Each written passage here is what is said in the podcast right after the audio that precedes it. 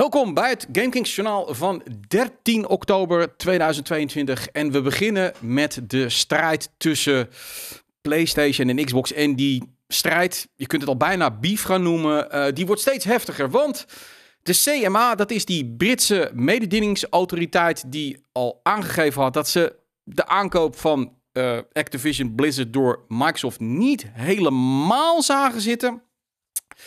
Zij hebben nu een beetje laten weten wat dan hun grootste bezwaren zijn. En eigenlijk zeggen ze de overname van Activision Blizzard door Xbox, door Microsoft, die beschadigt de concurrentie uh, op de consolemarkt en ze beschadigt de concurrentie binnen de streaming services.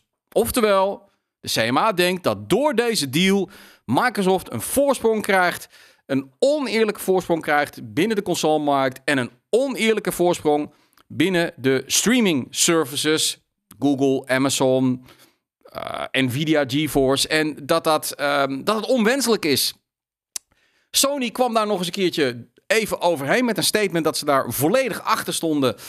En, en dat vond ik wel even opmerkelijk, ze zeiden er ook nog op bij van oké, Call of Duty mag dan misschien op alle platformen tegelijk uitkomen. Dat is ook exact wat Microsoft aangeeft. We gaan Call of Duty de komende vijf jaar in ieder geval nog niet exclusief maken. Maar wij denken toch dat heel veel gamers gaan overlopen naar de Xbox toe of naar de Xbox Game Pass. Want um, er kunnen allerlei exclusieve onderdelen in de game zitten. Laat het even op je inwerken. PlayStation, die op dit moment zelf allerlei exclusieve zaken in Call of Duty heeft.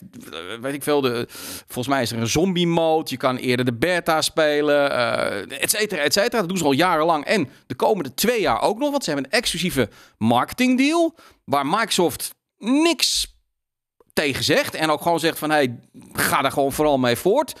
Die zegt nu dat zij vinden dat dat dus datzelfde feit, dus exclusieve content, dat dat een gevaar is voor de concurrentiepositie. Ik vind het apart. Maar goed, dan gaan we in de piepshow van dinsdag gaan we daar nog dieper op in. Uh, Microsoft heeft natuurlijk ook meteen gereageerd en die noemt eigenlijk de hele klacht van de CMA.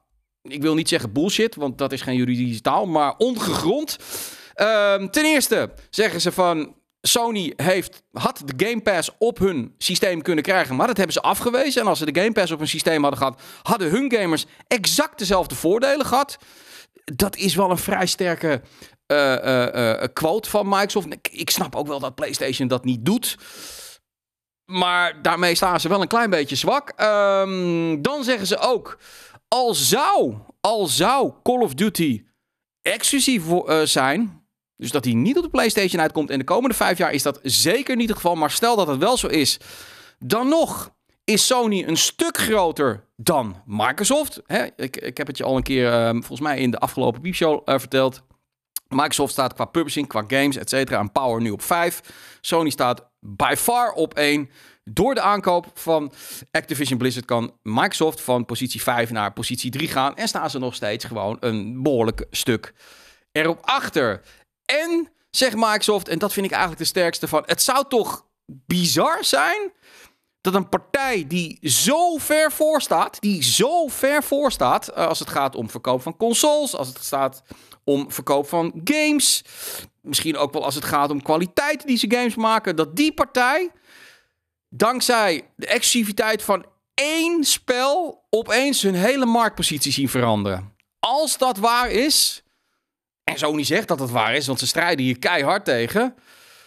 Dan staat de PlayStation wel op hele wankelijke poten. Want dan zeggen ze eigenlijk: onze eigen games doen er niet toe. Het gaat alleen maar om Call of Duty. Ik geloof dat ook niet helemaal. Dus zij gaan fel uh, daartegen in. Uh, die strijd wordt steeds harder en harder en harder. En echt veel bijval krijgt PlayStation op dit moment ook niet. Ja, op social media van PlayStation fans of gamers. Uh, maar uh, vanuit de industrie nee, niet helemaal. Strauss Selnick heeft bijvoorbeeld een interview gegeven de afgelopen week. En daar hebben ze gewoon keihard gezegd: um, concurrentie is gewoon goed. En hey, allemaal nieuwe opportunities die hierdoor komen. Het is voorkomen bullshit dat er geen Call of Duty uh, clone of, of uh, concurrent kan komen. Dat is gewoon een kwestie van gewoon je best doen. Uh, EA zei het ook al. Hè? Hey, stel nou dat Call of Duty wel actief is. Dat opent allerlei mogelijkheden voor Battlefield weer. Kortom, die mensen die zitten veel meer op het uh, terrein van hey, uh, dat is wat de industrie of dat is wat business is. Soms win je, soms verlies je. Sony loopt nu een beetje achter de feiten aan omdat ze die streaming servers niet echt hebben of niet kunnen hebben, omdat uh, dat commercieel niet lukt. En ja, maar dat moet je gewoon op de kin nemen en dan gewoon trots zijn op wat je maakt en gewoon ballen hebben en aanvallen en niet gaan jammeren dat een bepaalde positie niet klopt. Wordt vervolgd, want echt, er komen elke dag hier nieuwtjes over naar buiten. Die hele shit zo die ligt op tafel. Het is het gesprek van de dag en dus ook bij de piepshow. Goed, gaan we even naar gewoon leuk nieuws. Um, gisteren weer een interview met Todd Howard over Starfield. Um, ja, ze, ze, van die soort van diaries maken ze dan. En dit keer heeft hij weer een aantal dingen uh, verteld. Er zitten 250.000 uh, zinnen in of sentences in. Uh, dat waren er 60.000 in Skyrim. Dus het is vele malen groter geword, geworden. Ze zijn ook heel erg bezig geweest met om de balans gewoon uh, goed te krijgen. Je weet het, 500 man werken aan deze game. Het is nog nooit zo veel geweest. bijvoorbeeld, ze kwamen erachter dat hun spaceships. want je kunt dus gewoon vliegen tussen die planeten. Dat die ook wel eens zonder benzine konden komen. En dan zat je als speler gewoon vast in de ruimte. Nou, dat hebben ze allemaal aangepast.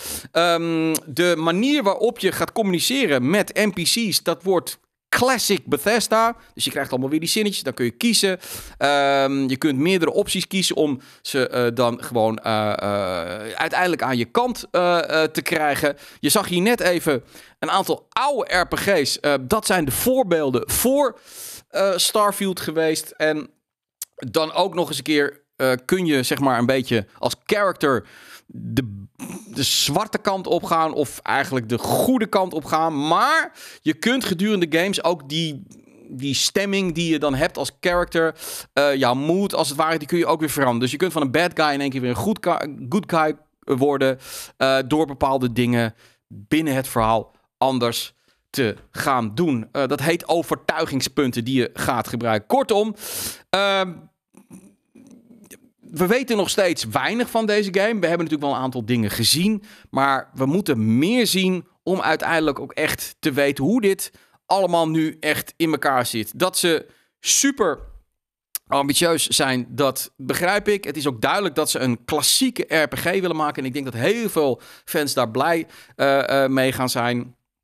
Uh, maar je kunt natuurlijk ook zoveel hype creëren, het zo groots maken, dat misschien het uiteindelijke resultaat daar volgens dan de gamers niet mee overeenkomt. Want in je hoofd gaat het op een gegeven moment zo'n ding worden.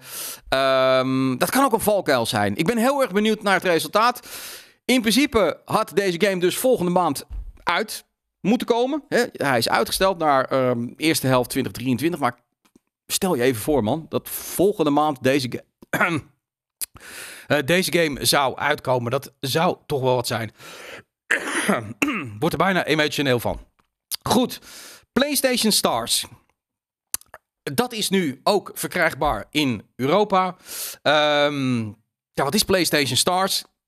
Uh, dat is eigenlijk een uh, programma vergelijkbaar met Xbox, Xbox Rewards. Speel je games, doe opdrachten. Ja, uh, hoe meer um, awards je haalt, hè, hoe meer dingen je voltooit, des te grotere baasje volgens PlayStation bent. En als je een grotere baas bent dan bijvoorbeeld andere spelers die minder dingen voltooien, die minder games uitspelen en minder games kopen, uh, dan krijg je ook minder rewards. En die rewards die zijn dan uh, allerlei 3D. Uh, zaken die je bijvoorbeeld weer in jouw virtuele prijzenkast kunt zetten, zogenaamde digital collectibles. Um, en je kunt naar de online shop en daar zijn allerlei extra's verkrijgbaar. Wat het is, ik weet het niet. Ik heb het niet uitgeprobeerd. Het spreekt mij ook totaal niet aan. Uh, ik ben sowieso geen achievement hunter. Um, heb daar nooit wat mee gemaakt. En er zit één ding aan. Ja, dat is eigenlijk, sorry, dat, dat, dat, dat haalt de coolheid van dat hele programma, wat mij betreft, een klein beetje onderuit. En dat is het feit dat als je uh, de, de, de hoogste tier haalt van dit PlayStation Stars programma, want hoe meer je doet, hoe hoger de tier wordt, dan krijg je ook voorrang bij de klantenservice. Hoe de fuck insane is dat? Weet je wel? Dus iemand die veel speelt is dus belangrijker dan iemand die gewoon een PlayStation 5 koopt. Zelfde bedrag, even blij is, alleen gewoon wat minder tijd heeft. Ja, ik vind het weird. Maar goed, hey, het is aan PlayStation. Je kunt het nu dus gaan gebruiken. Gaan we naar Project U. Daar hebben we geen beeld van. Dat is namelijk een nieuwe game van Ubisoft. En uh, nu is er op dit moment gaande uh, een closed alpha met een paar duizend gamers. En wat gebeurt er dan? Zoals altijd bij Ubisoft. Dat lekt uit. Iemand heeft weer video's online gezet. Je weet het, dat tonen wij hier niet. Um, maar daar komt wel uit naar voren dat Project U dus inderdaad Project Pathfinder is. Daar hebben we het eerder ooit al eens over gehad. Wat is dat dan? Het is een andere kijk op Battle Royale. Feitelijk ben je een, een, een team van vier, dus het is heel erg geënt op co-op. En je moet eigenlijk een stad binnengaan. Uh, die stad heeft allemaal muren. Uh, je moet naar bepaalde poorten toe. Nou, bij elk potje zijn andere poorten weer open. Um, en uiteindelijk moet je bij het middelste gedeelte van de stad uitkomen. En daar moet je dan knokken met een eindbaas. En als je die neerhaalt, dan heb je gewonnen. Ondertussen vecht je met NPC's. En ook nog eens een keer met andere squads die aanwezig zijn. Die hetzelfde trucje willen gaan halen. Dus er zitten allerlei elementen in. Um, de alpha is nu online. Wij zijn daar niet voor uitgenodigd. Um, vind ik ook niet helemaal erg. Ik bedoel, die game is echt nog voor, uh, best wel ver, uh, eigenlijk nog lang niet af. Uh, maar je weet het, Ubisoft heeft de laatste tijd ook niet echt een hele goede hand als het gaat om dit soort free-to-play. Overigens weten ze nog niet of het free-to-play wordt, maar free-to-play projecten. Denk aan Hyperscape, dat is inmiddels alweer weg. De bedoeling is, denk ik, inderdaad gewoon een free-to-play game te maken waar ze microtransactions kunnen gaan pushen. Maar we gaan er ongetwijfeld meer over horen. Dan tot slot, heel kort, de um, gebruikers van Steam die kunnen nu aan de slag met een nieuwe Steam-app voor iOS en Android. En uh, hier zie je hem. En dat is best handig. Als je Steam hebt, dan kun je dus nu naar die nieuwe app uh, toe gaan. Daar kun je gewoon uh, bijvoorbeeld games kopen, maar ook ja, installeren. Dus eigenlijk op afstand installeren op je PC. Je kunt updates installeren op je PC. Je kunt veel beter ehm, scrollen door je eigen uh, aankoopslijst, uh, maar ook tussen alles wat op de winkel staat. Um, en alles werkt voortaan met een QR-code. Oh, QR-code, QR-code. Um, in plaats van dat je een wachtwoord moet invoeren um, of een uh, Steam Code. Uh, ik vind dat wel fijn. Ik ben dan weer niet zo bang voor QR-codes. Anderen weer wel.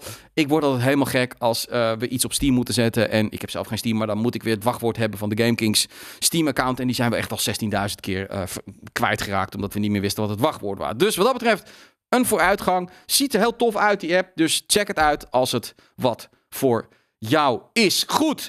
Uh, morgen is het vrijdag. Let even op, het wordt morgen een speciale dag, want we hebben natuurlijk gewoon einde van de week vrijdag. Maar aan het eind van de dag om 6 uur hebben we ook het tweede deel van de grote Dungeons and Dragons stream. De tabletoppers zijn er weer, die gaan hier weer keihard nerden. En ik zou zeggen, kom er gezellig bij, dan heb je 100% zeker een leuke vrijdagavond.